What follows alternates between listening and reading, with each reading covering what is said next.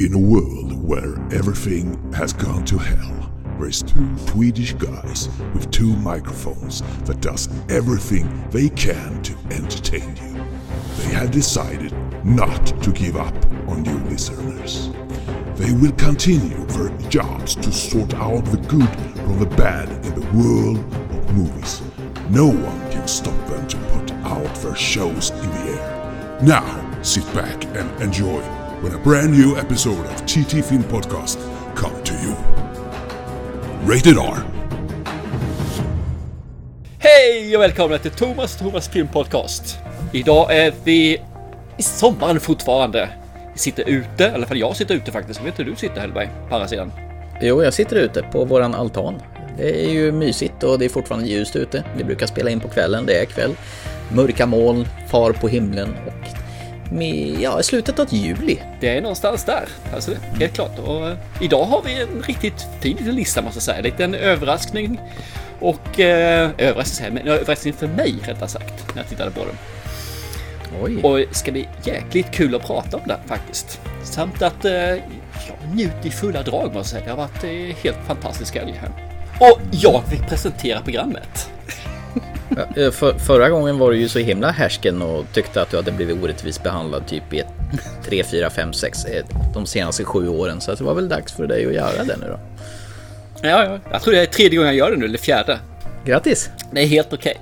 Det kändes bra, det kändes jävla. Det är lite så här maktfullkomlighet känner jag rusar genom kroppen nu. Så jag kanske aldrig släpper ifrån mig det nu. Utan nu är det jag som gör det igen efter. Kan, kan du ju fetglömma. Det kan ju dröja 100 avsnitt till nästa gång. Troligtvis, troligtvis.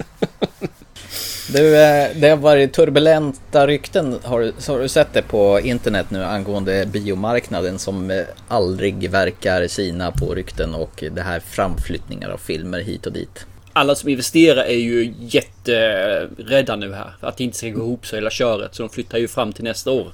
Nästan alla stora filmer verkar flyttas fram. Förutom Tenet än så länge. Som jag tror tyvärr kommer flyttas fram också.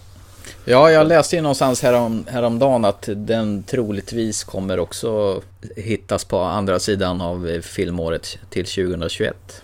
Jag förstår inte hur du ska kunna slåss med alla filmer 2021 och 2020 nästa sommar alltså. För det här kommer ju... Eller flyttar man fram 21 lanseringen till 22.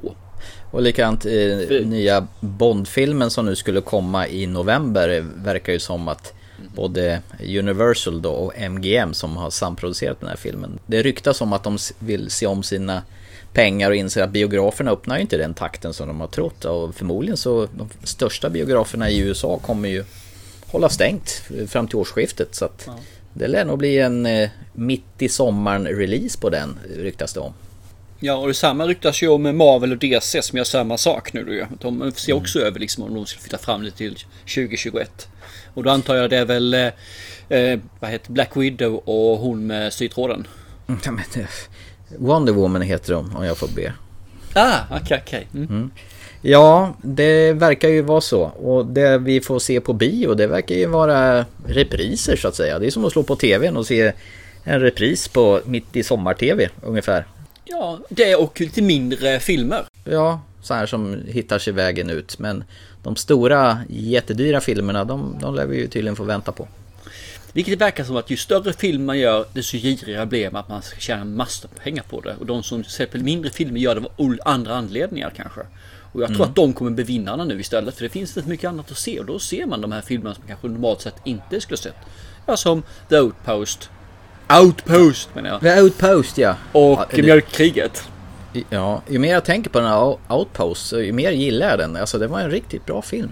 Ja, Jag tyckte också den eh, var helt okej faktiskt. Så, som du säger, den, minnet av den blev inte sämre utan det blev för lite bättre faktiskt. Och ni som inte har hört oss jiddra över det så får gärna backa ett avsnitt när vi pratar upp eh, just vid Outpost. Eh, Lite löst och ledigt. Men ska vi, gå, ska vi gå till dagens agenda då där vi har fyra filmer står uppradade efter varandra och bara väntar på att bli avhandlade. Jajamän. Och ska vi börja med lite svenskt? Ja, yeah, det ska vi fan göra! Nej fan det där var inte svenska, det var ju danska. Eh, eh, ja, vi börjar med svenskt och vi tar oss till den lilla staden utanför Göteborg som heter Allingsås och min pappa Marianne. To tycker att det är lite konstig stämning med mamma och pappa. Pappa, Hanna tror att du har en älskarinna som heter Marianne. Ska ni skiljas? Det är inget sånt alls. Det kommer gå väldigt dåligt för mig om jag blir skilsmässobarn nu. Jag har vad man skulle kunna kalla en, Lasse, en kvinnlig sida. Det här är någonting som jag har känt hela livet. Marianne, det är jag. Du förstår att folk i den här stan pratar va? Om man nu vill komma ut så är det en jättestark historia. Ämnet är superviktigt. Jag menar bara att det kanske gäller riktiga transpersoner. Inte min eh, pappa som har en 60-årskris. Är ni lesbiska nu? jag är inte lesbisk. Handlar det här mer om att känna sig rätt? Min pappa Marianne! Han är mycket lyckligare nu. Så länge han inte köper motorcykel och dejtar konfirmander så tror jag man får vara rätt nöjd. Titeln tycker jag är rätt konstig egentligen. För den bygger på en novell och no- no- novellen heter Min pappa Ann-Kristin. Varför kunde inte filmen heta Min pappa Ann-Kristin också? Ja men det var väl kanske mer säljande med Marianne. Det är jobbigt att säga Ann-Kristin. Marianne, det är ungefär som godiset vet det här du vecklar upp. Eh, Mintsnasket.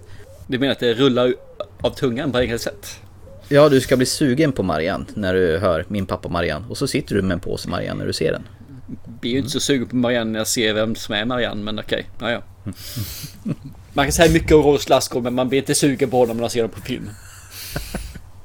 Nej, och det här är väl en ganska annorlunda roll som Rolf Lassgård frontar.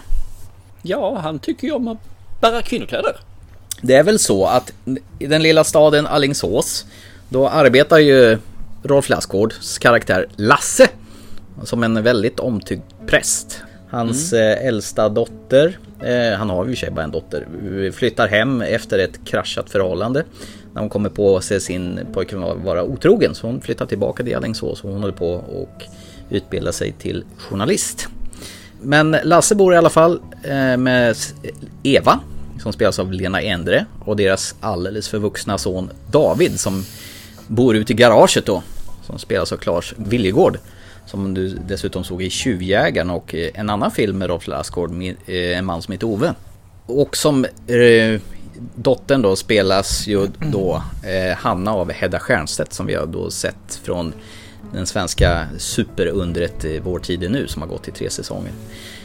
Men då i alla fall tillbaka i Allingsås så försöker familjen leva på som vilken familj som helst. Men Lasse, det vill säga Rolf Lassgårds karaktär, han har burit på en, en hemlighet sedan han var alldeles var barn. Han har en djup önskan att klä sig i kvinnokläder. Och så när han tar på sig så kläderna så ändrar han sättet att föra sig och blir alldeles mjuk och härlig. Och just då när han har tagit på sig detta så kallar han sig för Marianne, precis som titeln han spelar på.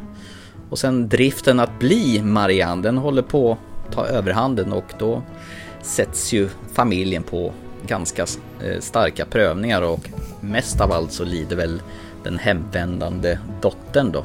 Ja, som vill ha trygghet och komma tillbaka till det som var förr egentligen. För hon flyr ju från någonting och vill ha en, en varm ombonad miljö. Känd miljö framförallt då som hon känner sig trygg i. Och lite svårt när man har en pappa som egentligen inte vill vara pappa. Ja, pappa vill han ju vara, men han vill ju vara en pappa fast i kvinnokläder. Ja, Jag känner faktiskt igen mig i Alingsås. Jag har varit där och käkat på McDonalds och Kina-restaurang några gånger. Och det är ju verkligen torget på Alingsås. kände igen i... Jag tror du kände igen dig i eh, Rolf Lassgårds eh, dragning här i kvinnokläder. Som kvinnokläder, ja. Ja, att det var där du kände igen dig. Jag, jag tänkte man skulle ta lite av karaktärerna. Hedda Stiernstedt eh, gillar jag jättemycket faktiskt. Jag vet inte, har du sett Vår tid nu, den tv-serien? Nej, jag har inte sett den. Har jag inte gjort. Har du sett henne i något sammanhang överhuvudtaget? Eller var det först, din första kontakt med henne i den här? Jag har talat om henne väldigt mycket och så här och jag, jag har väl följt henne på håll om vi säger så. Men inte mycket på filmer för jag inte ser svenskt. Lyssnar du på reklamradio någonting? Nej. Nej, hon gör reklam hela tiden för McDonalds. Aha, det är hon som gör det? Ja. Okej. Ja, den, den tillhör Hedda Stiernstedt, den rösten i alla fall. Men eh, hon är ju en 28-årig eh, kvinna i den här och sen eh, har hon ju en, en brorsa som heter David som eh, bor då i familjens garage. Jag tycker, här har vi ju en klockren syskonkärlek eh, som har letat sig upp sig i vuxen ålder. De är ju fortfarande skittaskiga mot varandra. De skvallrar på varandra, de ber varandra hålla käften och, och gnabbas när inte föräldrarna ser. Aj! Aj! Vet du om mamma och pappa känner någon som heter Marianne? Ja, du tänker på pappas älskarinna, Marianne? Visste du inte det? Det är inget allvarligt, det är bara sexuellt. Käften. Och sen, sen gillar ju han Davids alla t-shirts som han har på sig. Med de här obscena trycken som han har. Det blir lite grann en tävling där och se vad det står på tröjorna hela tiden. För det är lite Ja. svårt ibland, men man får fasen lyckas. Ja, men den här som står kuk på tycker jag är roligt. Kyrkans ungdomskör. Ja, och, och det, den verkar ju finnas på riktigt. Jag var tvungen att googla det. Sen har vi Lena Endre. Jag tycker hon är ju, trots att hon börjar bli hyfsat gammal så är hon ju fantastiskt vacker, tycker jag. Absolut, hon är fantastiskt bra också som skådespelare. Men i den här filmen så ser hon ju sliten och trött ut och hon har ju burit tillsammans med La- Lassgårds hemlighet där då, att han har den här önskan att gå i kvinnokläder och hon har ju verkligen mörkat det för sina barn och hon tycker ju det här är ganska jobbigt då. Ja, hon gör sitt bästa i alla fall. Samtidigt så är ju det här inget hon själv är så komfortabel med. Eh, Hon vill ju inte vara tillsammans med en kvinna och tillsammans med en man, men accepterar väl så långt hon kan hans, eh, hans verkliga persona då egentligen, som är då Marianne. Och det blir ju lite svårt, de bor, bor i en liten håla och snacket går ju. Och sen så när han väl vill, vill ta steget ut så blir det ju svårt för alla. Han vill ju göra det här offentligt. Och jag menar, då blir det ju en slitning för eh, hans jobb, församlingen, eh, hans eh, dött, dotter, son, fru. Men det, det blir ju svårt för honom mot dem och dem mot honom. Hur ska man bete sig som man kallar han, hon, hon, han, pappa, mamma, två eller vad blev det för Ja. någonting? Jag kan ju förstå det här dilemmat som kan ske samtidigt då som vi har då Hedda eller Hanna som då slåss mot otroheten från sin pojkvän. Hon har inget jobb. Eller hon får väl ett vikariat då liksom. Men mycket som åker runt i hennes liv och då har hon ytterligare en sak. Plus att hennes eh, farmor gick väl bort samtidigt också. Ja, just det. Filmen öppnar väl det att de hade varit på begravning med farmor då. Eh, Yes. Jag tror nog det är eh, Hedda Stiernstedts Hanna som lider mest av detta. För som, som du sa tidigare att hon vill ha en stabil fadersfigur där. Hon har ju haft ett fint förhållande med sin pappa och blir ju förkrossad när pappan längre inte var Ja. Lasse utan Marianne. Hon har ju varit en, hon har varit en bortskämd brat kan man väl säga. Hon känner sig Han- blåst kan man säga. Ja men lite grann, helt plötsligt får hon inte 110% för det handlar inte bara om henne och nej, Nu ska vi inte göra på det viset men det blir lite grann det här att hon vill ju komma dit och bli omhuldad som hon alltid har blivit av pappa. Som alltid har funnits där och alltid har liksom stöttat, alltid har pushat, alltid har sett till att han fått göra det. Och nu helt plötsligt så har pappa en egen agenda där han vill göra någonting själv och förverkliga sig själv då, bli den han egentligen alltid har varit. Och hon kan ju inte förstå för inte hon, varför- varför det händer. Hon kan liksom inte anpassa, acceptera det här. Det är ju skitsvårt och jag ska ju villigt erkänna att det hade nog varit en liten omställning att eh, om pappa hade kommit liksom som 60-åring och sagt att ja du, jag tycker om att klä mig i kvinnokläder. Ja, det här är väl lite, lite jobbigt kanske. Ja, samtidigt så hoppas jag ju i min fantasi att jag skulle acceptera det rakt av liksom. Och tyckte att ja men pappa är fortfarande pappa även om han har klätt sig i kjol och pumps liksom. Fast jag tycker ändå att superstjärnan i den här filmen, det är ju ändå Rolf Lassgård. Som jag tycker att han tar an sig en riktigt svår roll. Att han är prästen och familjepappan som drömmer om ett liv som kvinna. Hans skiftningar, när han väl, skiftar mellan man och kvinna, tycker jag är helt fantastiskt. Hans mansroll är i och för sig väldigt mjuk och omsorgsfull, men han lägger ju ändå till ett sånt här kvinnodrag och rör sig på ett väldigt feminint sätt. Det är bara små, små detaljer Ja. som gör det. Det är nästan lite här Clint Eastwood eh, skvetande med ögat. Så små detaljer är det, men det blir så stor, stor effekt av det i alla Ja. fall. Ja, han gör det fenomenalt. Han är ju en gigantisk skådespelare får man ju säga. Det är ganska modigt att göra en sån här roll och säkert skitutmanande för Rolf Lassgård för han vill väl säkert bredda sitt register så mycket han kan. Han har faktiskt gjort det en gång tidigare, spelat en kvinna. Fast då gjorde han det på teater istället. Har han? Ja, det har han gjort. Jaha. Eh, nu kommer jag inte ihåg vad teatern heter. Jag ska se här. Eh, jo, eh, Hairspray var det ju. Musikalen Hairspray spelade han en kvinna. Ja, ja, okej. Det är den som John Travolta är kvinna i, eh, i filmen tror jag. Aha, okej. Det är nog samma. Det är någon slags musikal ja. Och, och sen har vi ju lite birollerna. Då ser vi ibland annat Nour El Refai som eh, Hannas arbetskamrat på SVT. Så hon är ju Mm. egentligen Hannas moraliska kompass och eh, hon är ganska vettig och jordnära. Grejen i och för sig när jag ser Ja. henne, det är att hon är Nor är Nor. Hon, hon spelar, det känns som hon spelar sig själv. Hon, jag har sett henne i lite Ja. olika typer av roller, framträdande. Mm. Och hon är just Nor bara. Ja, okej, okej. Mm. Ja. Fast det gör ingenting, hon gör ju det hon ska. Hon är ju inte dålig på något sätt. Nej, jag håller med så sätt. Hon gör ju det hon ska. Hon är ju inte den här djupa rollen i den här filmen. Hon är en kollega, som du säger, moralisk kompass lite grann då, som talar om vad som är rätt och stöttar också som en, kompis. Kände du igen Willem Blomgren som var popstjärnan i Alingsås som st- stod och spelade på, på scen där, på Harrys? Eh, känd igen han som sådan, men jag kan inte placera honom faktiskt. Han var Pelle i Midsommar. Jaha du, okej. Ja, det tog jag Han som inte. lurade med de här äh, amerikanarna till Hälsingland och firade ättestupa. Just det. Firade ättestupa. Ja, ja, Ja. Sen hittade ju Kajsa Ernst som chef på den här lokala tv-stationen. Hon, hon är lite bitsk tv-chef, men jag gillar henne. Hon är... Har pondus, man har ju sett henne i massor med svenska produktioner. Jag tycker hon är rätt skön. Och sen hittade ju Ralf Karlsson som kyrkoherden. Gunnar som är Lasses chef och vän. Han är också bra. Ja, eller chef vet jag inte om, eller kollega va? Ja, jag fick för mig att han var någon överkuck över honom. men- jag kan ju ha misstag där. Men Ja, nej, så, så to- tolkar inte jag det, men det kan han visserligen kanske vara. Men eh, jag, jag får det mer som att han, de, de samarbetar, de är på samma nivå och delar upp arbetet emellan sig för det är för stort för en person. Ja, så kan det nog ha varit. Om man kokar ner det här då till eh, någon form av eh, omdöme. Vad, vad, vad får du för känsla av min pappa Marianne? Eh, Jag har ju alltid sagt det och jag säger det fortfarande. Jag har svårt för svensk film. Jag tycker om de här independent-filmerna som är, finns hjärta, det finns alltså ett sätt att experimentera och vad heter det, göra saker och ting mer än bara det stereotypa. Eh, Pappa Marianne är ju en större filmproduktion. Det kan man ju inte komma underfund- komma ifrån. Så det är ju ingen eh, liten lågbudgetfilm på det viset.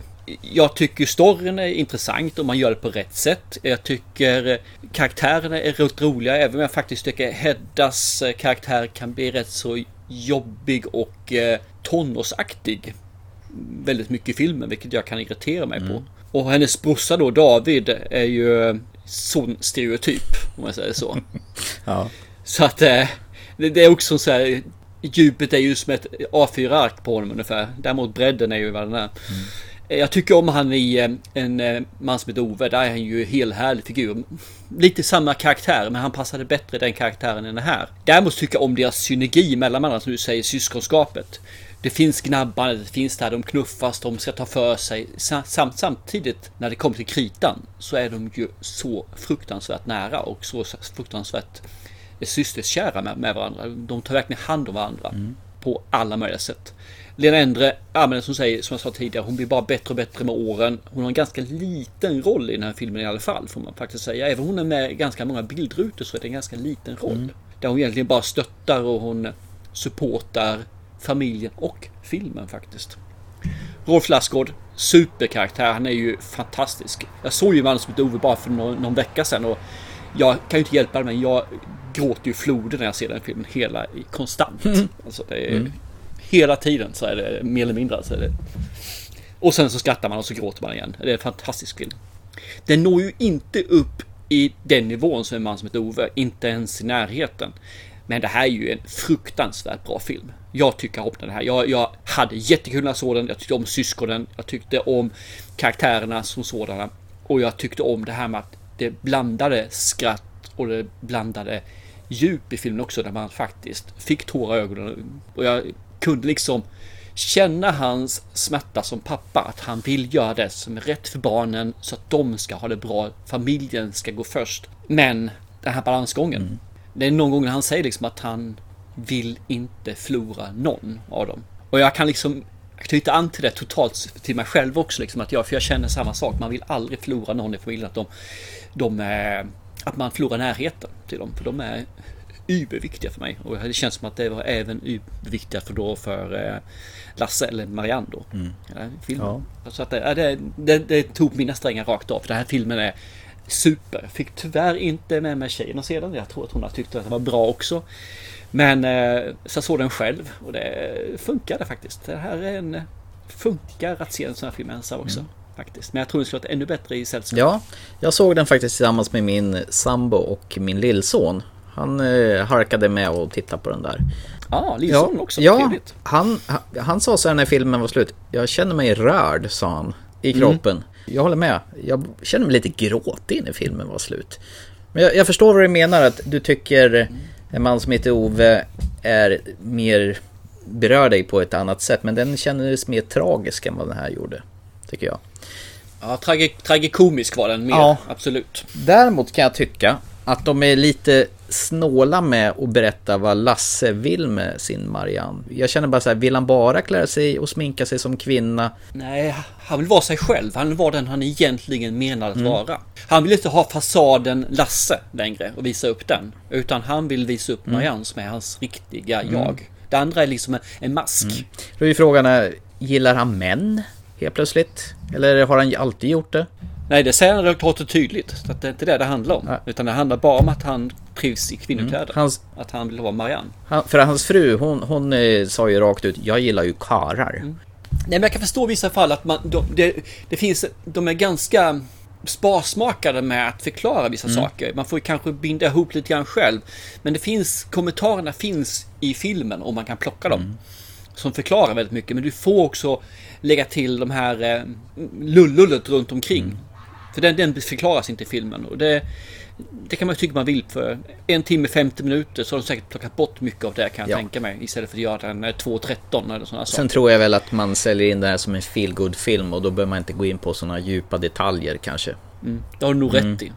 Och det är just att det är ju en feel film mm. det här. Fast jag gråter i filmen eh, vid ett par, tre tillfällen så är det en feel film i slutet i alla fall. Mm absolut. Vad va fint att du gillar den här, för jag trodde att du skulle såga den här vid fotknölarna faktiskt. Med tanke på vad du tidigare sagt om svenska lite högre budgetfilmer faktiskt. Ja, och jag tror jag får omvärdera mig själv lite grann när det gäller svenska filmer och eh, jag tycker om mer än vad jag tror. Jag är kanske fast i den här lite äldre strukturen av filmer. Mm. Så jag kanske ska se mer svensk film och se om den äldre strukturen fortfarande finns kvar. Eller om den faktiskt har förändrats överlag och att jag bara går på en illusion och en gammal, gammal information. Så jag får se lite mer svensk film helt klart. För att jag verifierar min tes eller slår hål på den. Det är ju jättebra för att de håller på att veva om Beck-filmerna på repris på TV4 nästan. Ja, men jag sa film, inte skit. ja, jag försökte ju. Ja, men bra, då kan vi båda rekommendera Min pappa Marianne eh, från 2020. Ja. Och det var ju en kort sväng den gick på bio innan biograferna stängde. Men de som vill kan ju faktiskt häva sig iväg och se den på bio fortfarande. För den har de ju återupptagit på Filmstadens repertoar. Ja, och det, och det är värt det. Det är värt helt klart alltså att se den här. Och jag, jag, tror liksom att gå och se den med någon och prata om den efteråt. För det tror jag det finns en hel del att diskutera i filmen. Alltså, jag, jag ser den, absolut. Mm. En utomordentligt fantastisk svensk film.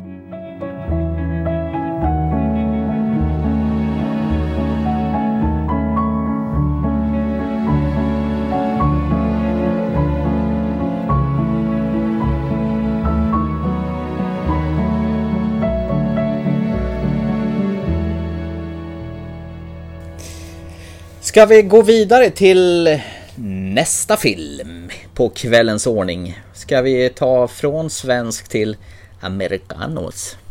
Americanos? Mm. Vad har vi då? ja, okej. Du menar att jag skulle köra det? Nej men vi kör väl uh, The Old Guard, en liten actionrackare. Oh, med uh, filmen som direkt hamnade på Netflix. Ja men vi tänkte att det här måste vi ju ta upp även om det är en en Netflix-film som vi ju pratar om mm. det tycker jag. För det här är ju en lite annorlunda action tänkte jag säga. Men eh, det finns i alla fall ett par stycken underbara skådespelare i den. Ja, det är väl, du så. tänker väl framförallt på Charlize Theron? Ja, jag tycker om henne faktiskt, det gör jag. Framförallt när hon ska spela en eh, karaktär som är eh, gammal. Menar du att hon är gammal i den här filmen eller? Jättegammal. Mm. Jätte, jätte, jättegammal. Men filmen är ny och den är från 2020 och har precis dimpt ner på Netflix och heter The Old Guard. Who are you? I lead a group of fighters like you. With an extremely rare skill set. Let's just say we're very hard to kill. So you good guys or bad guys? Depends on the century. So we really never die. You're one of us now. Let's go to work. Let's move! Wait for the signal. How can you even tell? Rated R. Du får gärna presentera hur den supergamla Charlize Theron hittar på med sina kamrater i filmen. Ja, vi får ju egentligen börja med att följa när gänget ja, samlas igen får man ju säga egentligen. Man får en liten background story egentligen på vilka de är, vad de gjort för någonting. De hoppar in, de gör egentligen jobb lite här och där när de känner att mänskligheten behöver det. Ibland är de goda, ibland är de onda enligt hur folk uppfattar det. De eh, lever egentligen genom århundradena och gör de här sakerna och de leds då, leds då av eh, Charlize Theron då karaktär som är den som är äldst av dem. Saken är den att det första som händer är väl att det uppdraget som de samlas för att göra då som hon egentligen då är motståndare till att göra får man också säga. För hon tycker liksom att det här är, eh, är vad gör det för nytta? Allting går åt helvete i alla fall. Det går väl inte riktigt som det ska göra, det går väl åt skogen. Och när de omgrupperar där helt plötsligt så får alla de här bild i skallen när de sover. Och det är liksom att då är det en ny person som vaknar. En ny odödlig då som vaknar. Det kan man ju säga att de här personerna är då lite Highlander-stuket. De kan liksom inte dö. På vanligt sätt i alla fall. Och det man får följa egentligen är att de ska nysta upp vad är det som händer. Varför är folk ute att förstöra för oss? För de inser ju att det har ju trakasserats. Eh, det har ju blivit helt jävla fel först. Det är någon som har gjort detta, det gick fel uppdraget. Samtidigt så måste de plocka in den här nya och införliva henne liksom i vem hon är, var hon är och hur, hur det här fungerar. Så det är egentligen två, den nya, den gamle och mysteriet som ska då lösas upp. Det låter en tyngre film än vad den egentligen är, för det här är ju då en riktig actionrökare bara. Ja, det kan man ju säga. Fullt ös från början till slut. Du sa ju det i presentationen, det är lite Highlander. Jag tycker det är väldigt mycket Highlander. Det här att man har levt genom hundra år och är odödlig och ja, man vaknar upp efter att man tror att man har dött och så stannar du i åldern där. Likheterna är väldigt slående. I min bok så hamn, blir det här på något sätt en karbonkopia av Highlander. Jag tror att man tar konceptet med odödlighet men man gör någonting annat med det tycker jag faktiskt. Än vad man gör för Highlander. För Highlander så ska man ju slåss mot varandra. Och eh, ha det här stuket då, där kan be only Ja, här har du ju sig en grupp som jobbar tillsammans. Det har du ju sig rätt i. Och de eh, försöker att göra det som är rätt. Om man säger Ja, så. och i Highlander så fimpar du av dem genom att hugga av dem huvudet och snor den andres eh, kraft. Medan här så kan du bli skjuten ett x antal gånger och du vet inte hur många gånger du kan re- reparera dig själv. Och helt plötsligt så Så slutar det fungera ja. Det är ju Skydance som har eh, producerat det här och som jag tror den här filmen var tänkt att den skulle släppas på bio men i och med att rådande omständigheter så skickades den direkt ut till Netflix. För det känns som en biofilm det här, tycker jag. Det tycker jag också. I kvalitetsmässigt gör det det faktiskt. Sen ska man inte säga det, för Netflix har hög kvalitet bitvis på sina filmer också, alltså riktigt hög. Så att den mm, kan, kanske, kanske inte. Men eh, den skulle gott kunnat gå upp på bio, det tycker jag absolut. Den skulle kunna varit en sån här sommarblockbuster Ja. faktiskt. Jag gillar faktiskt introsekvensen när hon, Nile, hon som är kvinnlig marinsoldat. Och det är ju lite ovanligt att se kvinnliga marinsoldater så det var ju väldigt uppfriskande där. När hon eh, råkar ut för en riktigt otäck grej och dör och uppstår och blir en av de odödliga. Det är ju rätt så jävla fräck actionsekvens där när hon är i, vad är hon? Afghanistan, Irak eller vad är hon? Afghanistan. Ja, alltså det sätter tonen för filmen hur, ja, det, det känns att det här är påkostat. Och det, det finns ju en anledning till varför det är så många kvinnliga marinsoldater där också. För att du ska du umgås med kvinnor i Afghanistan så kan inte en man göra det. För det, det, det går liksom inte. Men en kvinna till en kvinna fungerar på ett helt annat sätt. Och det märker man när de går in i ställen där bara kvinnor får gå in liksom. För det, då kan ju inte de manliga marinsoldaterna gå in där. För det, då har man ju vanhelgat. Gjort något helt, helt, helt fel. Vi har ju en jättesuperskurk i den här filmen som heter Merrick som eh, driver ett sånt här framstående teknikföretag. Eh, Känner du igen honom? Yes, det gjorde jag. För jag kände igen han från eh, The Bellows of Buster Scrooge. Ja, där hade inga armar och ben, har jag för mig. Exakt. Och det är ju klart den här Dudley från Harry Potter-filmerna. Ja, och sen var han ju lite fluffigare i Harry Potter. Ja, nu är han ju...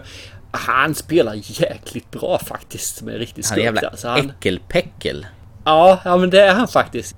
Jag tyckte om hans karaktär faktiskt. Det gjorde jag. Alltså på som skurk alltså. Och hans spretiga tänder. Ja, alltså, och hans här lite ovala spetsiga ansikte som är lite för blekt egentligen för att det ska vara riktigt friskt. Jag vet inte om han är sminkad så eller inte men det blev jäkligt bra, eh, bra karaktär Han, på det. Hur han ser ut. lite ut sådär i Buster Scruggs också, gör han inte det? Ja men han gör ju det, exakt. Så jag undrar om det är hans riktiga utseende eller om det bara tycker att ja, men det var ju snyggt, det gör vi igen. Han har lite det Scooby-Doo-ansiktet, alltså. Då menar jag inte Scooby-Doo som Mysteriegängen, utan den här skurken som de alltid sliter av masken på. När de inser att det är inget monster, utan det är en vanlig gubbe bakom masken. Sånt ansikte har han. Okej. ja okej. Ja.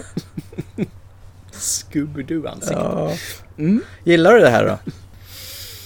Eh, Mina söner och jag satt tillsammans och tjejen också faktiskt. För jag tänkte nu ska vi se det. Det här blir liksom lite mys framför tvn. Eh, sönerna gick efter en halvtimme tror jag det var. Eller lite mer än så. Och tyckte att det här var ingenting för dem. Och jag fattar inte varför de inte tycker det. För det här var ju en action alltså. Jag tycker det här är bra. Jag tycker det här är lagom eh, mättande liksom.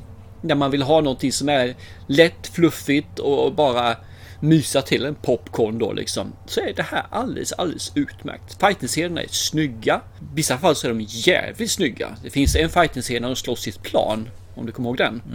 Den är ju supersnygg alltså tycker jag. jag. Jag tycker att de gör det riktigt, riktigt bra. Det är kameraåkningar på ett sätt som jag inte blir åksjuk på samtidigt som man ser då att det blir eh, det ser bra ut på själva scenen också. Det var någon gång så blev det knasigt när de eh, hade fel vinkel och man såg att knytnäven gick en meter ifrån. Men eh, annars är det riktigt, riktigt bra. Så jag tycker det håller som actionfilm utan tvekan alltså. Och Jag tycker karaktärerna, tycker själva världen också är kul och jag vet och, och hoppas att det kommer en tvåa också. Det har de redan signat på med, med original-crew nu då liksom, så alla är med igen och kör en tvåa.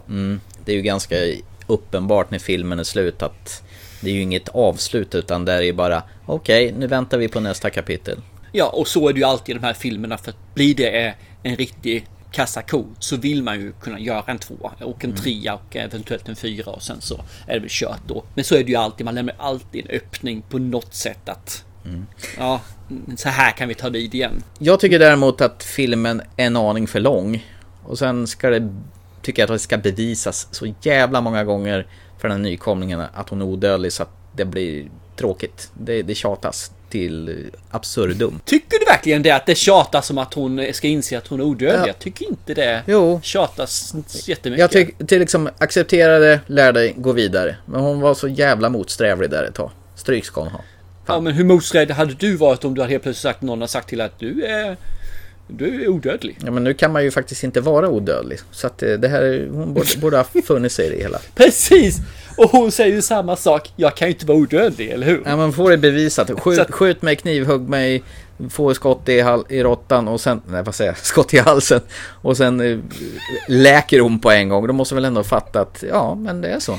Eller hur? Ja, det är väl då hon börjar fatta också. Och saken är att hon läker ju ganska långsamt i början. Mm. Men eh, jag tycker inte alls. Jag håller inte med om det. Jag tycker det är en rätt så trevliga scener för första. Och sen så tycker jag att hade hon accepterat det med en gång så hade det varit Jaha, okej, har du inte omvälvande i ditt liv som gör att du går från en vanlig människa till att du helt plötsligt kan leva då i hundratals Mm. år? Äh, jag tror inte att man sväljer det. Jag tror till och med att hon skulle varit lite mer motsträvig, kanske lite mer mental breakdown på ett annat sätt än vad hon Mm. Ja gjorde. men Så jag, jag är motståndare till ditt sätt där. Men det satte du i huvudet på spiken, det här mental breakdown. Alltså, jag har svårt att känna för de här karaktärerna. Du har ju en hel bunt med en grupp där, så som de presenterar olika typer av karaktärer. Men jag tycker de är ganska, de är platta. Det är egentligen bara Charlize Theron som är någorlunda intressant. Du har ju några killar eh, som är med där också, men de är, känns ju bara som utfyllnad tycker jag. Jag håller inte med. Jag tycker de, visst har hon den stora rollen, det har hon ju absolut alltså. Men jag tycker att de, jag får känslan att de har hängt länge. Verkligen hängt länge. Det finns hur mycket historia som helst för honom. Och jag får liksom att det har just delats in i lite grupper också. Att de här gänget, de har, är närmare varandra än det andra är. Men det finns det här smågnabbet och man vet väldigt mycket om varandra. Och givetvis, man bygger inte vidare på det någonting. På, på något djupare plan utan det är ju bara något de visar upp och sen går man vidare. För det är just det, en actionfilm, en popcorn. Och den är, är två timmar, fem minuter lång. Så det är klart att skulle man göra det så hade det blivit ännu längre. Eller så hade det blivit drama om man inte hade Platt. gjort det längre. Platt. Ja, så kan det vara. Action säger jag, du säger platt. Platt action. Nej, nej.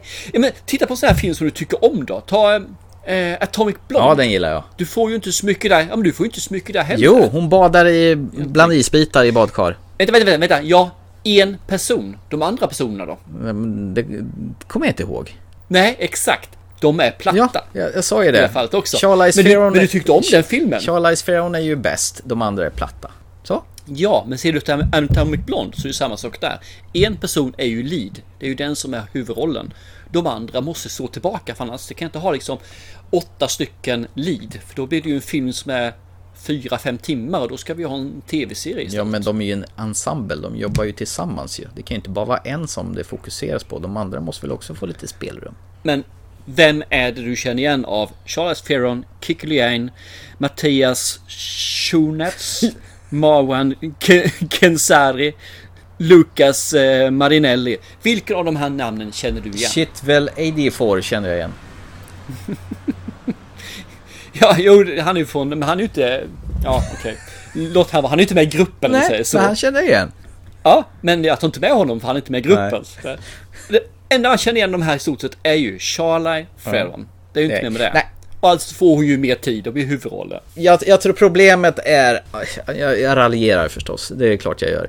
Men problem, Nej, problemet är ju nog att jag har ju min absoluta favoritfilm all time i bakhuvudet när jag ser den här och det är ju Highlander. Och jag har så svårt och det här känns som bara någon kusin till det här som inte ens kommer upp på de nivåerna. Där tror jag du gör ett misstag för det här är inte Highlander. Det är inte ens en kopia på Highlander. För du har inte samma koncept mer än att folk är There odödliga. can be only one. That's it. Highlander, alltså. Inte the old fart. Fast här är det här you can only be four eller Nej, five. inte the old fart. eh, The Highlander. Det är grejer det. Nej, jag vet inte. Jag, jag, jag kan köpa. Sen så tror jag det handlar mycket om också vilken sinnesstämning har när man ser den. Vill man se en action så tror jag att den här filmen är bra. Är man inte ute efter eller inte kan släppa likheten med en film utan man vill ha den igen. Ja men fine, då blir det inte heller så bra. Men vill du ha en action tror jag och du eh, inte försöker jämföra med en annan film så tror jag den här filmen är helt okej som just underhållning för. Så är det förstås. Och det är jättemånga som håller med dig faktiskt. Om man kollar runt så är ju... Men det är ju för att Thomas alltid Ja, det, det må ha hänt. Men ibland så kan ju Thomas ha otur när han tittar. Mm, Det har aldrig hänt. Nej, jag, jag tyckte det var sådär faktiskt. Jag hade gärna kortat av den här kanske en eh, kvart. Jag tyckte den var för lång. Och jag tyckte den aldrig tog slut. Och sen när det var slut, nej, då var det inte slut. För då kommer en sån här äcklig mid-sequence eftertextscen där. eh, Som bara, eh, vi kör efter Marvel-konceptet. Men det håller jag med om. De här slutsluten behövs liksom inte. Det här hade kunnat ta slut när som helst innan dess. Saken är den att jag håller med. Två timmar, fem minuter är för långt. När man tittar på tiden och ser det här. Men när jag såg filmen så var det inte. Den kändes inte så tyckte du? Nej, jag tyckte inte den kändes för lång. Så att eh, jag tyckte den kändes helt OK. För du ska ändå landa karaktärerna till en viss nivå. Och sen så vill du även landa storyn på en viss nivå. Och eftersom de är nu ja, fyra plus en plus egentligen eh, två stora karaktärer till kan man väl säga egentligen. Så behöver den tid på sig för att presentera dem. Även om man inte ska gå in och göra deras biografi så måste man ändå landa och presentera karaktärerna. Vem är den? Varför är den? Hur är den? Och då är det två timmar, tyvärr. Ja. Att, Så kan det vara.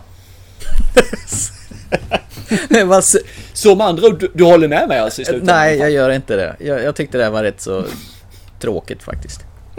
Jag gillar början och sen tappade jag intresset halvvägs och sen när filmen börjar närma sig slutet så kan de inte riva av det här plåstret då så att det blir färdigt snart. Och sen när det är färdigt, då är det inte färdigt i alla fall. Då kommer det ännu mer. Men jag, jag får nog faktiskt backa på en sak så jag får göra det. Att eh, ibland kan Thomas ha lite otur när han tittar på film. Alltså han har, eh, han kan det ja. Thomas. Thomas. Men om vi säger så här då, istället för att tala om vad du tycker och eh, inte tycker om den här Mm. filmen. Vem ska se den här filmen då som tycker De den här är bra? actionhungriga personerna som gillar stunds actionrökare och lämnar hjärnan hemma. De kan väl titta på de där. De som gillar Six Underground kanske. Ah, Nej, nej, nej. Don't go there. Nu går det. Så, så mycket action är det inte. Det finns faktiskt stunder den här sakta ner och tar lite lugnt Ja. och det finns lite meningsfull dialog. Så blanda inte in Six Underground i den här. Liksom. Det Blev du provocerad nu eller? Det, det, det är svära i kyrkan där. Så, ja, det- ja, provocera liksom nu. Jag menar, ju- Världskrig startas för mindre än så här. Kom igen. Oh my god. Ja, men vi kan släppa den där i alla fall. För jag tror ju också samma sak. De som vill ha en action, de, de tror jag kan njuta av den här filmen. För det är jävligt snygg action är det faktiskt. Med, med något eh, sådär. Och jag tycker karaktären som eh, Charles Theron kör är jävligt kul. Jag tycker om henne så, så här lite mörk antihjälte som tycker vad fan håller jag på med det här för stuket. Så att eh, jag tycker det, det, den, den kommer att tillfalla de här som vill ha en action och kanske de här som har lite Ja, lite yngre med kan jag tänka mig faktiskt. Fast mina barn dissar den här filmen totalt, vilket jag blir lite besviken Hur kommer det sig egentligen? Jag vet inte. Jag tror de vill ha någonting som händer och det ska vara lite kul action. Lite så ska spinna igång med en gång. Och den här filmen har ju lite grann spinner och sen så dör det undan, så spinner lite grann och så dör det undan. Så det är liksom ingen vrål-action på det viset. Och det är de tröttnade på det kan jag tänka mig. Otåliga. Ja, lite grann så tror jag. Men å andra sidan så min äldste son sitter och tittar på Hajen och han tittar ju på de här gamla filmerna, The Thing som är jättelångsam liksom. Så jag vet inte riktigt vad det är han går igång på inte längre. Jag får nog ta och intervjua honom lite djup i grundligare här. Ja, men då, eh, då är de ju på mitt lag då, med andra ord. Äh, de såg inte filmen så de är inte på något lag. Nej, eh, tittarna får bedöma det själv. De får gärna slå en signal till oss, höll säga, skicka ett sms eller ett mail till ttfilmpodcast.gmail.com och tala om vilket lag de står på. Lag Thomas eller lag Thomas? Mm. Så, då kan vi lämna Charlize Theron och den här otroligt långa, tråkiga filmen och gå vidare då.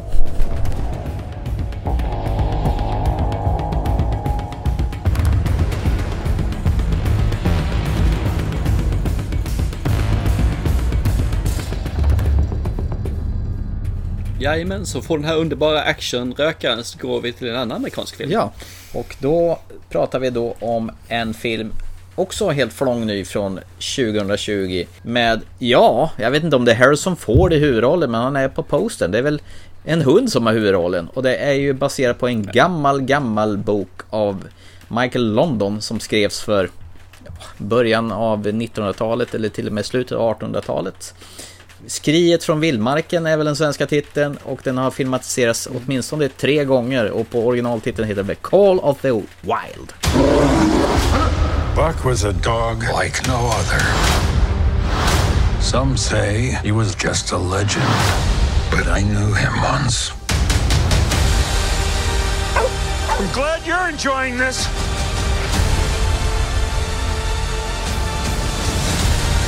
Out here, he found himself. He found his freedom in the wild. The Call of the Wild. Rated PG. Tickets available now. Yes! Det här är ju faktiskt den första film som eh, jag har sett där Disney har köpt upp 20th Century Fox för att det första man får se när, när 20th Century-loggan dyker upp så står det inte längre 20th Century Fox utan 20th Century Studios. Lade du märke till det? Nej, Du skickade ju bild när du såg det så. Så då tänkte du på det när du såg den då? Nej. Nej. Men du som är hundälskare, dra plotten på denna gamla klassiska historia om den lilla blandningen av en Sankt Bernhardshund och en eh, collie, vad jag förstår. Ja, vi får egentligen följa den här underbart ouppfostrade hunden Buck. Som är då ägs av eh, den, eh, the, the man, the myth i staden, byn där han bor om man säger så. Där han egentligen kan komma undan med stort sett vad som helst. Men han gör ju en liten dumhet så han får ligga ute på verandan över natten. Samtidigt då så det, kommer det förbi någon som kidnappar honom och eh, så han ska bli en slädhund eller något liknande. Så eh, han kidnappas först långt därifrån och sen så säljs han vidare till ett hundspann som ska, han ska dra. Och det är egentligen många små historier, många vinklar och vrår som egentligen är hans resa genom livet då till att bli den hund han egentligen ska vara kan man väl säga. Så det är ju en ganska, den här filmen har ju gjorts flera gånger tidigare mer eller mindre. Och boken har man ju fått läsa i skolan. Så att det, det är inte Har du läst den här med andra ord? Ja, det hänt. Du kände igen den då alltså? Fast det är länge sedan. Det är ju jättelänge sedan jag läste den. Så jag, jag kommer ihåg bitvis och den frångår ju jättemycket från eh, boken vad jag kan tänka mig. I alla fall. Det man kan säga är att hunden är ju animerad. Han är ju CGI helt och hållet. Och de har ju utgått från eh, just den här Sankt Bernhards hunds ljud och rörelse. Så har de gjort det lite mindre. De är, jag trodde inte det var en collie, jag trodde det var något annat. Jag trodde det var någon shepherd eller något liknande. Men det kanske var en Ja, jag tittade på bakom materialet och där förklarar de i alla Ja. fall. Och så fick man se liksom hur eh, den hunden ser ut. För de har ju haft riktiga hundar Mm. som de har satt på såna här eh, motion capture dräkter på. Eh, och Mm. för att få rörelsemönstren för att få det så exakt som möjligt. Men just Buck själv spelas ju av Terry Notary som är ju van att gå på alla fyra med sina förlängda stålarmar.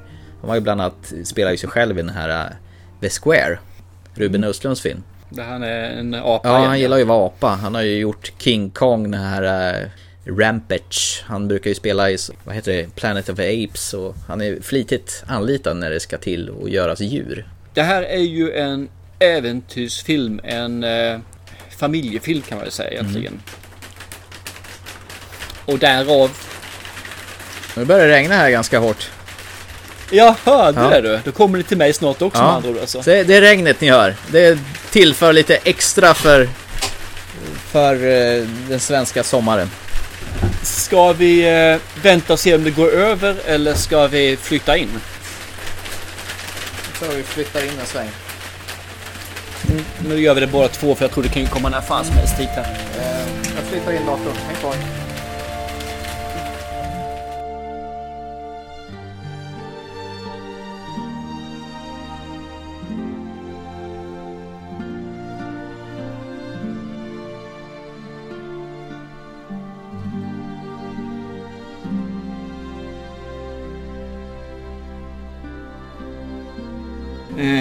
Jag trodde först vi började klippa sån här bubbelplast. Jag tänkte vad fan håller han på för? Vad för jävla Nej, nej, stövlar? vad fan. Det var ju smattret på uh, vårt plasttak. Ja, det förstod jag absolut efter det. Men jag tänkte jävlar vilken idiot. Så kan det vara. Ja, eh, nu är vi tillbaka efter eh, ha flyttat in då efter vädrets makt. Det gör sig påkänt här. Man kan inte styra över vädret. Nej. Jag tänker på, Harrison Ford gör ju en voice-over i den här filmen. Mm. Det gillar du va? Blade Runner. Den här voiceovern hade nog inte spelat någon roll för mig om den hade varit där eller inte. För den tillförde ingenting egentligen att förklara saker och ting. Utan det var mer att den gav just en berättarröst. Och det, det tycker jag, eh, jag, jag vet inte. Det känns som att den inte... Ja, den var inte dålig och den var inte bra. För mig är jag ganska likgiltig om den hade funnits eller inte. Jag tror inte jag försämrat filmen om han inte hade varit där. Nej, jag måste bara fråga dig en sak. I och med att alla djur i den här filmen är datanimerade. Hur trovärdiga är hundarna i filmen? Ni som lever med hundar. Eh, animeringarna är skitdåliga. De är det ja. De är jättedåliga. Inte bara animeringsmässigt men hur de beter sig också. Eh, Är ju eh, fel va. Men det kan jag köpa för det ska ändå bli en, det blir ändå en, eh, en fantasy äventyrsserie. Inte fantasy men äventyrsserie. Film. Film fortfarande. Så att, och då får man ju leka lite grann med hur hundarna beter sig och hur, hur, de, hur de gör. Men animeringen är ju under all kritik. Jag menar att göra en hund våt idag borde ju gå att göra på ett bättre sätt än det ser ut som det gjorde på 80-talet. Äh, Jag, jag tycker faktiskt det var anskrämligt dåligt. Det tog nästan mig ur illusionen flera gånger i filmen när jag såg liksom hur det var lite Scooby-Doo-aktigt. Scooby-Doo! Nu fick jag det sagt igen. Ja, Scooby-Doo återkommer flera gånger i programmet. Jag tyckte däremot att det var en rätt så mysig historia man fick följa om man släpper det där med animeringarna. Annars så är ju miljöerna rätt mysiga. Hans eh, omvägar, genvägar till var han ska landa någonstans. Eh, då han möter John Thornton. Han, I och för sig möter ju honom i början av filmen och stöter på honom flera gånger till att till slut hamna hos Harrison Ford. Och Harrison Ford, när jag ser Harrison Ford i spretigt hår och jättemycket skägg känner jag att ännu mindre, hur fan ska det här gå med nästa Indiana Jones? Nej, det kommer inte hända något med den. Så det behöver inte vara orolig. Nej, men jag tycker Harrison Ford faktiskt gör en ganska bra roll i den här filmen. Eh, tyvärr så tror jag att han mer eller mindre är den enda som gör en bra, bra roll. Nej, fel förresten. Vi har O- Omar, Omar Sy gör faktiskt också riktigt bra, en bra karaktär. Med hans eh, sidekick där, eh, François, François. Ja men det är väl han som eh, driver den här post eh, hundspannet ja, va? De, de gör en bra, de gör det också bra faktiskt tycker jag.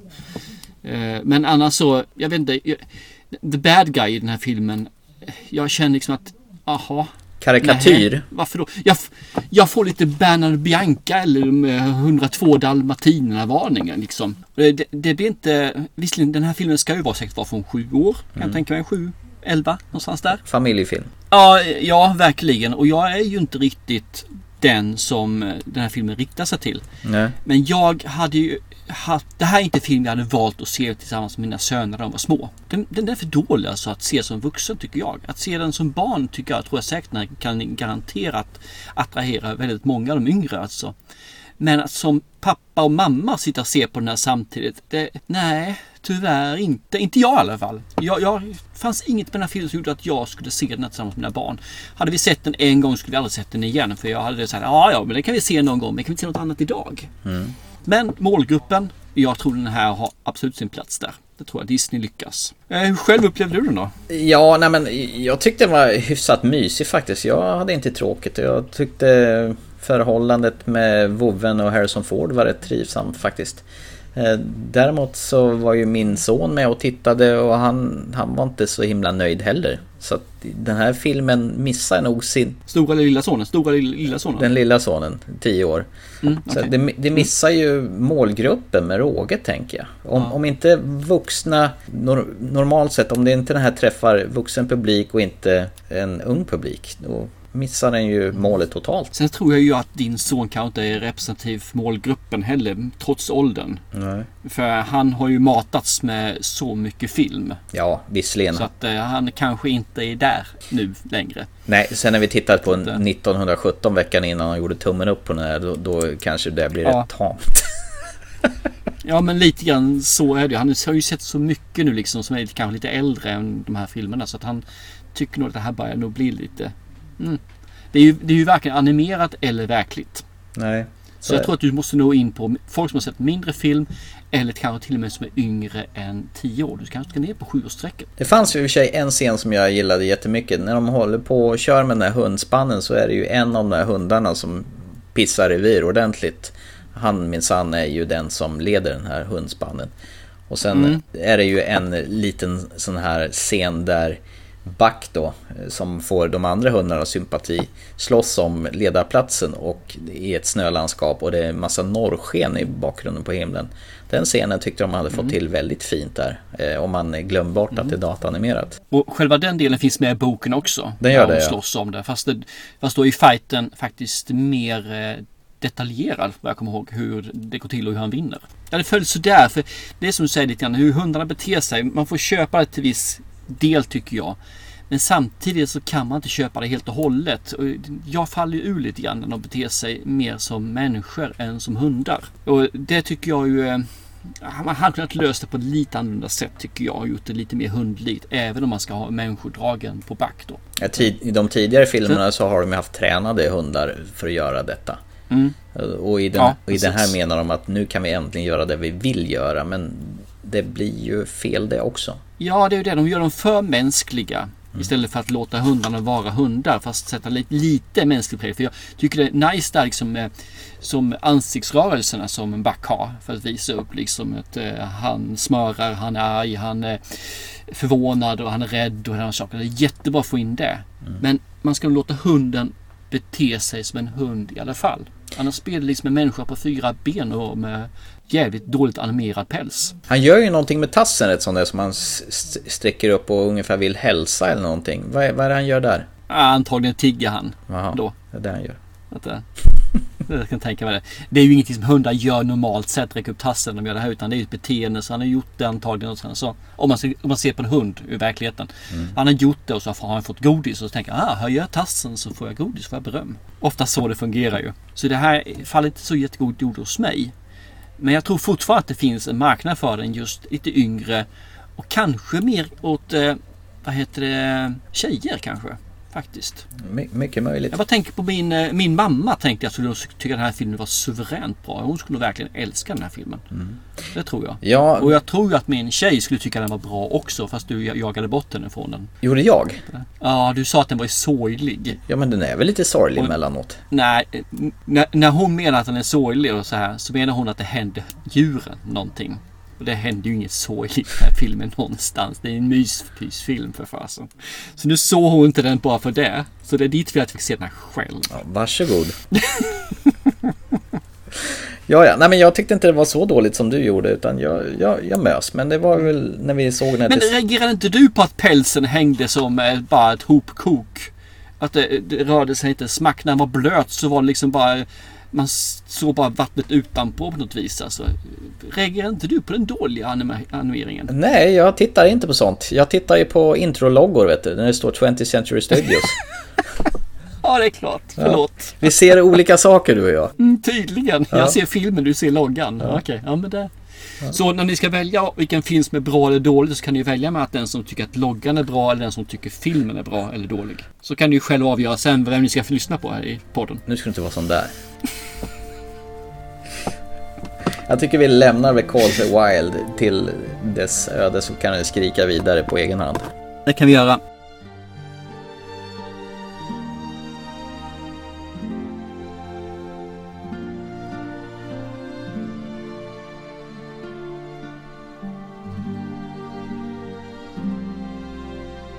Då har vi väl bara en punkt kvar i, i programmet va?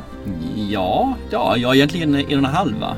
Men en eh, riktig punkt. Ja, och det är ju mitt uppdrag som jag har fått gömma på här nu i två program. Det är ju filmen The Counselor som du gav mig, som Ridley Scott har snickrat ihop. Counselor, I always thought a law degree was a license to steal, but you for one hadn't really capitalized on it. I don't intend to take this up as a trade. A one-time deal, right? You may think there are things that these people are simply incapable of. They are not. I'll try and remember that. Good. That's a nice ring. Have you set a date?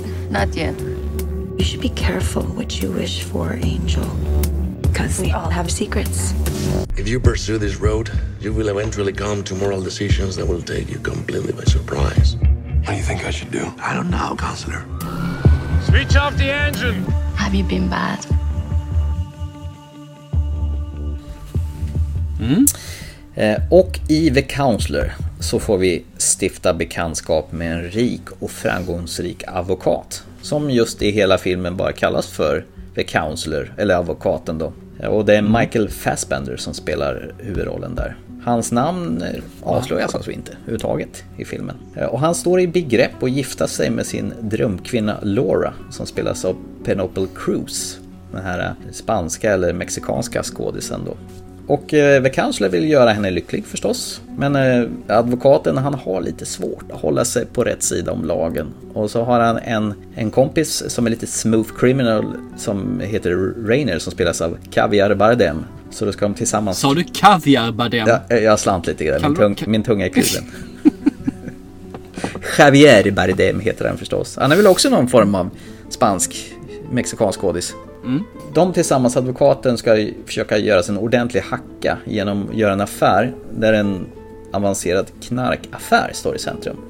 Och så har de en, en skum kamrat som heter Westray som spelas av Brad Pitt som ska förmedla den här affären. Eh, naturligtvis går ju hela den här planen åt pipsvängen på grund av att den här advokaten gör en hel rad felaktiga beslut och äventyrar hela operationen och helt plötsligt så är de jagade av maffian. Mm -hmm. Det här är ju ett speciellt persongalleri som Ridley Scott radar upp. Var det länge sedan du såg den här filmen? Ja, det är nog sedan 2013 typ. Ja, ja. Men kommer du ihåg Javier Bardems, han har två stycken leoparder eller leoparder, jag vet inte vilket som är vilka här, som han har som husdjur. Ja. Ja, jag har ett svart minne. Ja, han åker ut i öknen och släpper dem fria som får jaga vilda djur då. Bland annat kaniner och mm. allt möjligt där. Och medan han gör det så blandar han drinkar åt flickvännen Malkina, det vill säga Cameron Diaz. Eh, Hollywoods charmigaste leende. Ja, fast i den här filmen eh, har hon eh, nog filmens mest bitchiga leende, skulle jag säga. Det är ju helt... Ja, hon är helt underbar. Eh, Det är ju helt annorlunda mot vad Camerons Girl Next Door-roll brukar vara. Hon är en hänsynslös, bitchig kvinna som är helt van att få det hon precis vill ha. Eh, Och eh, Javier Bardems hår, den står åt alla håll. Och han är någon slags flummig, rik unikum kan man säga. Han bor i en villa tillsammans med sina djur. För Cameron Diaz i alla fall, hans flickvän, eh, hon är ju sylvass. Hon tar vad hon vill ha och nästlar sig in hos alla. Det finns någon scen när hon, de ligger och solar tillsammans då med eh, advokatens blivande fru Laura där och, och bara psykar henne. Försöker verka vänlig men ja, i slutändan är hon ju bara ute efter att trycka ner henne. Så känner jag det i alla fall som. Och sen dess- dessutom finns det en, en scen som eh, Javier Bardem återberättar då, alltså Rainer. Att hon ska ha sex med hans bil.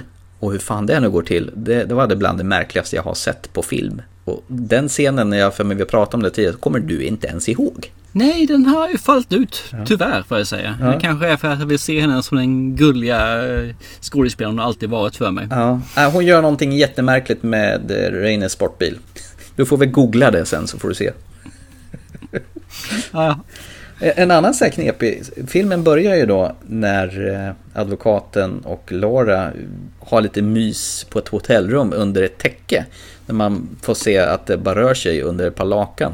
Jag tycker det är jättemärkligt, när brukar man bara gömma sig under lakan när man är ensamma? Det fattar inte jag. det är ju alltid amerikaner, jag vet inte om det. Gör de det? Ja, ja visst. Jajamän, American way. Okej. S- Sen har, ja, jag tyckte det var en märklig grej i alla fall. Sen kryper i och för sig kameran in under överkasten och visar vad de håller på med. Och, ja. Mm, ja. Sen, har vi, sen har vi Brad Pitt som är någon slags långhårig cowboy-skummis som är den här knarkmellanhanden då. Han, hans roll är ju inte så jättestor men han gör ändå ett rätt så stort intryck. Och sen eh, verkar ju som de är, har betalat Heineken ordentlig summa pengar för han och eh, Michael Fassbender sitter och dricker Heineken med etiketterna väldigt synliga mot kameran då. Initialt så tycker jag att det här är en väldigt pratig film till att börja med. Och ibland så är dialogen lite halvstel och märklig och det, det flyter inte. Men ibland så rinner den på och brinner till. Det, det, det är ju inte alls vad jag är van att se Ridley Scott göra. Han bjussar ju på en film som pratas igenom men när halva filmen har passerat då, då växlar den upp till något oerhört våldsamt. Och, och det, det här är, tror jag det filmen vinner på. Jag var inte beredd. Jag tror att det är där som den vinner på. Samtidigt så är det väldigt många som tycker inte om den här filmen. Och jag tror att den förlorar på det också. För den här delar, är verkligen vattendelare verkar det som. Och mertalet tycker att det här är en skitfilm. Mm, det är också vad jag har hört. Och det var väl där jag gick in med att majoriteten tycker att det här är en skitfilm. Det är mycket dialog och dialogen den som sagt som jag sa tidigare den varierar väldigt. Ibland är den styltig och stel och det känns inte alls naturligt och ibland så brinner den till ordentligt. Men just där när filmen halvvägs växlar upp och blir riktigt elak och vulgär. Det fick mig helt av banan faktiskt. Jag fick lite sån här Sicario-vibbar helt plötsligt. Aha, Eh, okej. Kan ju sig höra ihop med att det är knarktrafficking mellan gränserna i USA och Mexiko. Och sen eh, har ju filmen ett fint, fint slut som var lite otippat men om man hänger med i svängarna så borde man kunna se det komma. Jag gjorde inte det när jag såg filmen. Jag, var, jag såg inte slutet komma. Det ska jag väl erkänna. Man, man känner ändå när, när det är slut att ja, så, såklart, så här är det ju förstås. Tveksam halva. Och sen när akt två startar så skjuter den upp som en raket i andra akten. Det här gillar jag. Det här var mums filibabba. Och jag gillar det här råa, elaka som bara kastar sig en i ansiktet. Så jag var inte alls beredd på det. Och när en film bara överraskar på det här viset, då kan jag ju inte annat än gilla det. Det här var bra. Haha, nice! Fasen, jag är mästare på det här med att ge dig uppdrag. Det är inte med vad det. Nej, och alla som säger att det här är, är kass, de eh, har ju inte förstått filmen. Det har ju gått dem över huvudet.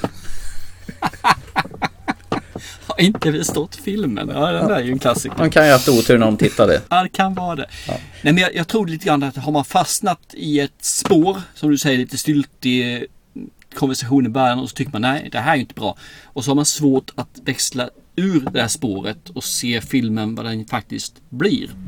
Och då är är det knasigt. Sen framför just att det är den här att du gör verkligen den här transformationen av filmen som kanske också kan göra det svårt för folk. Men jag fick ju det här, nu är det det här. Och det kan också vara det att folk tycker att det är dåligt på grund av det. Ja, och det är som är skillnaden mellan den här och The Old Guard att de har ju ett gäng färgstarka karaktärer som man kan relatera till. Till och med Penelope Cruz lilla eh, roll som spelar Laura. Alltså man känner ju med henne. Och Cameron Diaz är ju så elak och hemsk så det finns inte. Och Javier Bardem som är bara den här flummiga, halv-smooth kriminella dåren ute i öknen med sina kattdjur som bara egentligen är jävligt ensam egentligen. Och sen Michael Fassbender som bara trasslar in sig mer och mer i vad han än företar sig. Eh, Karn är ju en riktig jävla planta egentligen. Jag, jag har ju saknat eh, Cameron Diaz på eh, bioduken. Har ju inte gjort en film sedan 2014. Så att det är lite synd tycker jag. Jag skulle vilja ha ut den. Framförallt efter jag såg den här filmen om var den här bitch-personen istället och visa upp en helt annan bild av sig själv som Mm. skådespelare. Mm. Då tycker jag att fasen vad synd att vi får se mer av henne alltså. Jättesynd. Så var han tatuerad över hela ryggen med så här tassavtryck från eh, axeln. Och Ja, just det. Det var, det var inte på riktigt Tramp. tror jag. Ja, ja, typ så. Nej men det här var bra. Slutet var ju riktigt mums och eh, det var en... Andra halvan var en riktig käftsmäll som sved. Och det gillar jag ju. Mm. Och jag tror Hans-Åke Lilja borde gilla den här med tanke på hur han har uttalat sig de senaste tiden. Vad han har sagt vad han vill ha i, i en film. Och Ja, men då så. Då ska han ju se den här ju. Ja. med med det. Vi får ju fråga om han gjort det lite snällt kanske. Ja, varför, varför ska jag det snällt vet jag inte men vi kan ju fråga. Nej men eh, du kanske behöver se om den här. För det finns ju vissa grejer som du har ju totalt eh, fallit i ur minnet. Det kanske jag ska göra. Mm. Det kan ju vara tillfälle för det. Faktiskt. Varför inte? Det är ju ett tag sedan jag såg den som sagt var. Så att, Mm. Jag eh, tycker det var skitkul att du tyckte om den. Du, du ska... Gå vidare och få en eh, tillbakakaka. Ja, det ska du få faktiskt. Och den här filmen har jag varit på väg och gett dig ett otaliga gånger. Och sen har jag ångrat mig och sen har jag ångrat mig att jag inte har gett dig den. Och så nu till slut kommer jag ge dig den. Okej. Det här var en film faktiskt som jag hade tänkt att ta med på en skräckfilmskväll för ett gäng gånger sedan i våran skräckfilmsklubb. Men aldrig fick tummen ur. Så istället så tittade jag på den själv. Och så tänkte jag då, den här ska jag ge till dig. Och nu får du den. Eh, en- drama, Okej. fantasy, horrorfilm som eh, klockar in på en timme och 51 minuter, ju lagom kort. Films net, lättillgängligt på Netflix sist jag tittade. En eh, film som heter The Endless från 2017. Jag tror inte att du har sett den här. Nej, det har jag inte gjort. Då eh, kan jag säga att ja, då har du någonting bisarrt, annorlunda, märkligt att se fram emot. The Endless ska du söka rätt på på Netflix och den ska du se tills näst, nästa program. Jag säger ingenting mer, så får du se vad, vad du Nej hittar. men det är- perfekt det. Jag hoppas jag vet ner den här. Så du ska inte läsa så mycket om den heller själv tänkte jag. Det är alltid roligare att se filmer utan att veta någonting om dem faktiskt. Men nästa avsnitt är ju inte utmaningen. Då är det ju faktiskt gamla filmer som vi ska se med nya ögon. Återtiteln med andra ord. Återtiteln, precis. Och den här gången får du välja film. Ja, och då tänkte jag det är klart vi ska ha en gammal klassiker. Sån här eh, högtravande film som eh, ska vara pretentiös då. Så att eh, Döda poeters sällskap. Oh, den har inte jag sett sen jag gick på mellanstadiet, eller var det högstadiet när den filmen kom? Ja, någonstans där. My Captain, My Captain. Carpe Diem. Ja, när han, efter den här filmen skulle alla ha den här förbaskade Carpe Diem-skylten överallt. ju. Ja, visst det är äckligt va? Ja då, absolut. Ja. Alla säger att de ska fånga dagen, ingen gör det. Men eh, jag tyckte den, eh, den här filmen såg jag när jag var jätteung. Mm. Och jag tänkte liksom att, fattade jag filmen? Förstår jag vad den egentligen skulle förmedla? Eller så jag bara tyckte det var kul med de här sekvenserna. De ställde sig på bänken. När de skulle gå bakom varandra och hela köret. Var det bara det som jag tyckte var intressant och kul? Fanns det någonting som jag verkligen missade i den här filmen? Och det vill jag se som, ja, fnutt fnutt vuxen nu då. Ja, det jag minns det var ju Robin Williams energi då som man alltid har i sina filmer. Han var väl jävligt het på den här tiden. Ja, fruktansvärt. När han, han var ju den rolige och den här Det mörke också. mörke läraren som eh, hans elever gillade väldigt mycket för att han hade sån Mm. inlevelse. Så det ska bli väldigt spännande för den här har som sagt bara sett en enda gång. Så det ska bli kul. Ja, jag tror faktiskt jag bara sett den en gång jag också. Så att eh, det här ska bli riktigt kul att se den igen. Jag har längtat efter att se den eh, många, många år nu. Så nu får vi ju arslet ur vagnen och se den. Bra där! Då ser vi till nästa gång Döda poeters sällskap helt enkelt. Nice! Med det, har vi någonting mer som vill sägas? Eller ska vi slå, slå igen butiken? Nej, jag känner väl ganska nöjd faktiskt. Förvånad över att du gillade min pappa Marianne så pass mycket. Eh, förvånad över att jag inte gillade The Old Guard så mycket. Inte så förvånad över att du inte gillade The Call of the Wild så mycket. Och över överraskande att The Counselor var så bra som det var. Ja, den vart jag faktiskt lite förvånad för jag var lite osäker på att du skulle tycka om den. Utan det är 60% att du inte skulle tycka om den, dissa den och 40% att du skulle tycka om den. Så det, jag, jag blev glad överraskad. Det bästa är att det är en sån där film som stannar kvar i sinnet en stund efteråt och fortfarande gör det. Och då, mm. då är det ju faktiskt en bra film. Filmer som bara far igenom huvudet och är borta efter du har stängt av, som The Old Guard, eh, det är ju inget vidare. Allting har ju sin, sitt tillfälle och sin nytta med det. Jag tycker de filmerna har absolut en del också att eh, förmedla. Allting kan liksom inte vara att du ska känna dig trasig i själen efter att ha sett. Utan ibland ska du bara ha nöje i två timmar och sen efter det kan du gå vidare och göra verkligheten. Så är det förstås. Till nästa gång då så se en bra film för det tänker vi göra. Och ha det så bra så länge så hörs vi. gör vi. Chip chip.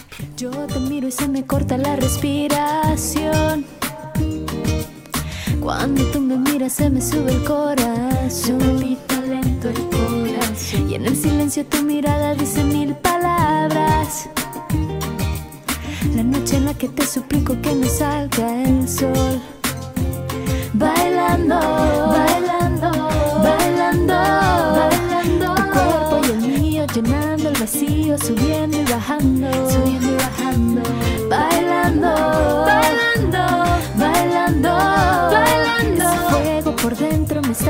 me vas saturando. Con tu física y tu química, también tu anatomía, la cerveza y el tequila y tu boca con la mía. Ya no puedo más, ya no puedo más, ya no puedo más, ya no puedo más. Con esta melodía, tu color, tu fantasía, con tu filosofía, mi cabeza está vacía. No puedo más, ya no puedo más, ya no puedo más, ya no puedo más. Yo quiero estar contigo, vivir contigo, bailar contigo, tener contigo de besarte.